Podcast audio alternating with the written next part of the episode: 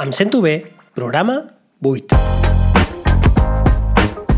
Molt bones, què tal? Com esteu? Uh, ara, feia molts dies que no teníeu notícies de mi, que no feia cap, uh, cap programa, cap episodi d'aquest podcast. I res, estem a Setmana Santa, no sé en quin moment escoltareu això, però gravo el dissabte de Setmana Santa. He trobat una mica de temps per poder dedicar al podcast i la veritat és que en tenia ganes. Em sap greu no mantenir un ritme i una continuïtat. Uh, és una de les coses que m'agradaria millorar, però la realitat és que entre la feina, els estudis, entrenar i tot plegat, doncs és, és molt difícil. I com ja vaig comentar, eh, ara mateix aquest és el meu objectiu principal i intento anar fent alguna publicació a, a xarxes com, com Instagram, sobretot. Eh, us recordo, arroba em a Instagram, allà em trobareu. També estic a TikTok, ho estic provant, però la, la, la xarxa principal és a, és a Instagram Instagram, a TikTok igual, em sento bé, em trobareu. I res, eh, el podcast eh, d'aquest eh, aquest episodi el volia dedicar a una frase que vaig llegir l'altre dia d'Arnau Entrenaments. Us recomano que, que el seguiu a Instagram, arroba Arnau Entrenaments.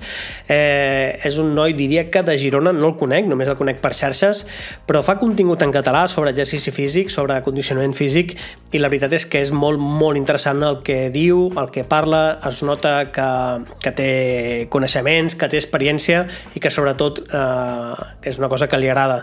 Eh, va fer una sèrie d'escrits de, i tal, eh, vosaltres mateixos, aneu-lo allà i el veieu, però al final eh, acabava amb una, amb una frase que deia recorda el camí és més important que el resultat. I tant. Quina raó té l'Arnau? Quina raó té l'Arnau? Uh, molts, i parlo per mi, per mi però almenys a mi m'ha passat que a vegades ens marquem un objectiu uh, a llarg plaç, no? Doncs uh, poder fer una cursa de 5 quilòmetres, o una cursa de 10, o una marató, o perdre 5 quilos, o uh, fer més exercici. I a vegades estem més pendents, més preocupats d'arribar a l'objectiu que de, que de gaudir del procés i tal com deia l'Arnau, la clau està en, en gaudir de, de, del procés, de gaudir del camí, no?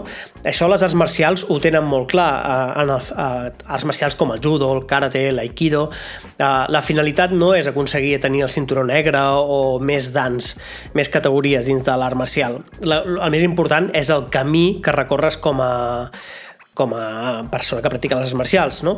Doncs una mica aquesta filosofia jo també intento aportar-me-la a, a, a mi personalment i al projecte Em Sento Bé que m'he de fixar més en el camí, en el que estic recorrent, en el que estic vivent, vivint, eh, en el ara i no tant en l'objectiu que vull aconseguir més endavant.